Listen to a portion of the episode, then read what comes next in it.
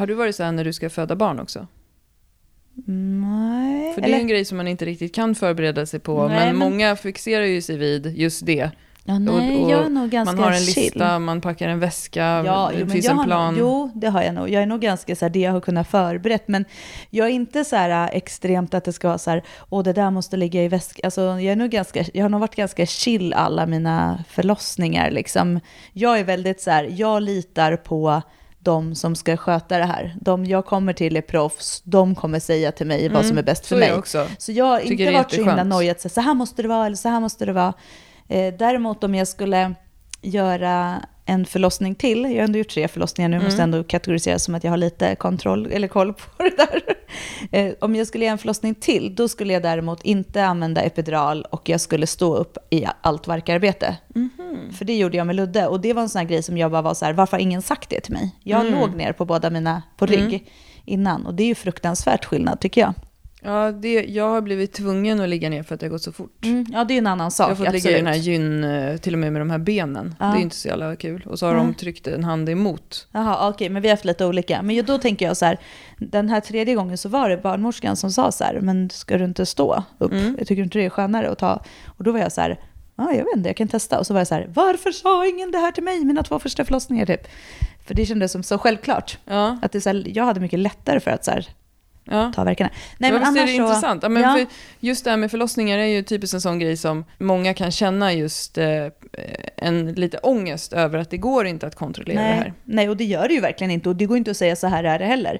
För att för en annan människa, ja men för dig var det så här, du behövde ligga ner. Mm. En annan människa är så här, självklart jag har stått alla. Och en tredje är så här, nej gud, så här vill inte jag. Alltså, Men så jag det är ju verkligen... att det här med den moderna förlossningsvården och det här med kvinnan i centrum och att kvinnan ska skriva det här brevet och man har det här valet. Jag vet båda gångerna jag har fött barn, andra gången var det för sig, då var barnet på väg ut när jag kom in. Mm, Men att de- snabbt. att de frågar liksom så här, hur vill du ha det? Och då har jag nästan känt så här, men jag kan inte ta ett beslut om det. Ni, ni, ni har ju gjort tusen förlossningar, jag har bara gjort en förut. Alltså, jag jobbar inte med det här, det får ni Ja, berätta. så är liksom. jag också. Men jag tror att, och just det här att många kan bli väldigt så här fixerade vid att de vill ha det på ett visst sätt. Det tror jag kan också hämma förloppet väldigt mycket.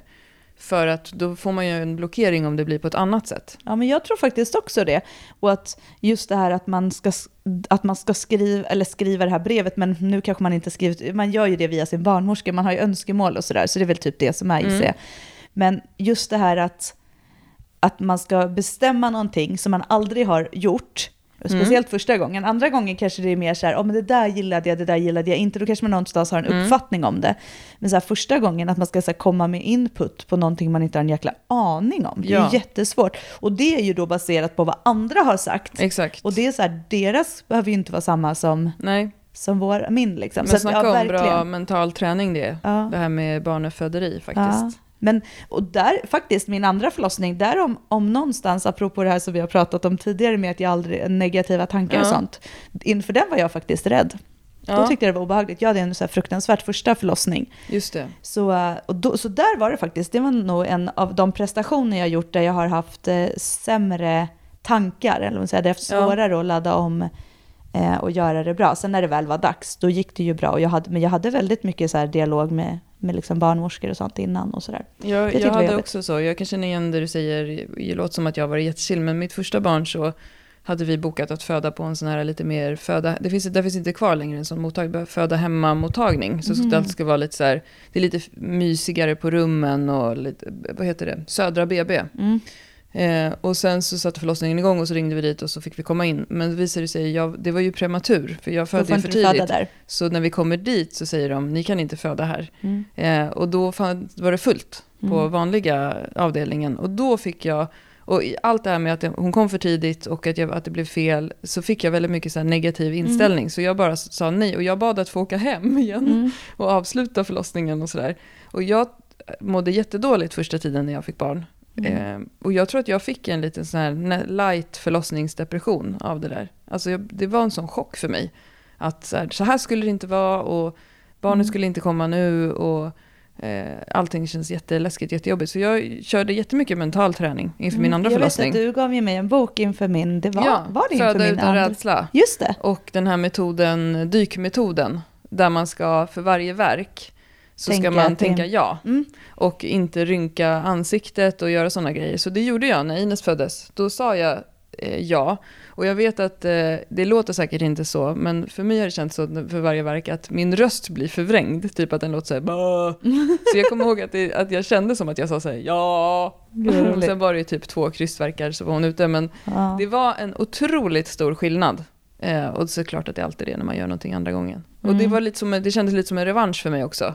Mm. För jag var väldigt så här, oh det här är inte min grej. Nej, Eh. jag kommer ihåg när jag kom in med andra, då var jag så här, okej, det som, idag så ska jag slå eh, min Lidingö, för då kommer jag ihåg att vi pratade om just det här hur jag kunde tänka för att det skulle bli en positivt och vad jag skulle Mm. ha för referenser. Så jag kommer ihåg när jag kom in, min andra förlossning, min första tog ju jätte, jag var inne i jättemånga timmar och jättelång tid och jag fick bli uppklippt och uh, sugklocka och hela köret så här. Eh, och det var ju, så det var liksom ingen drömförlossning. Men sen andra då med eh, mitt andra barn så var det så här, då när jag kom in så var jag så här, ja men jag har bestämt att jag ska slå min Lidingö-tid. För då hade jag ju sprungit Lidingöloppet efter Moa då.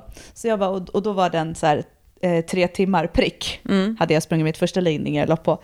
Så då var jag så här, ja men jag ska slå det när jag kom in. Och då tog det faktiskt bara tre timmar och 20 minuter från att vi kom in. Ja. Så den förlossningen var ju, en, skulle jag säga, nog en ganska, om man nu ska normalisera, vilket jag inte tror kanske är jätte så här, men en så här ganska normal. Inte för snabb, inte för långsam, Ja. allting gick i det förlopp det ska gå liksom och allt skötte sig själv. Mm. Eh, så då var jag så här, det här ska jag slå, du vet. Och sen när jag kom in med Ludde, då skulle jag slå min förra tid. Så jag fokuserade väldigt mycket på det här att Slå Tiden, tider. att- Johanna. Ja, men det, fast för mig funkade det, för det var också en så här positiv grej Ja. att hänga upp mig på. Jag tror det bara handlade om att hänga upp sig på någonting. Att ha ett mål. Ja, och det gjorde det liksom. Men, så det var lite roligt. Men som sagt, tredje gången, då hade jag ju fått den här boken av dig. Mm. Och just det här att framförallt att tänka så här, för varje verk som har gått så är jag faktiskt närmre. Att Istället för att det som så tänka, här nej nu kommer det en ny verk. Ja, så då var Mm. det så här, näst, när jag har tagit den här, då är det en mindre tills Ja. liksom, barnet kommer. Så efter sista förloss, tredje förlossningen, då var jag så här, det här kan jag göra om imorgon. Ja. Då hade jag en helt annan, alltså då var det så här, typ det här var så här coolt. Ja. Så, med, med de första två, nej. Alltså då, jag, så jag fattar inte varför jag har tredje barn, men det var för att, eller tre barn överhuvudtaget, men det är för att man glömmer bort. Ja, det är, men det är häftigt. Men jag tror, och jag tror att det är en eh, extremt mycket större prestation för kroppen än vad vi kvinnor Fattar. förstår Ja, att vi går igenom. Eh, att göra den där sjuka grejen alltså. ja men coolt. Ja, coolt. Bra gjort av oss. Ja, bra gjort av oss, apropå prestation.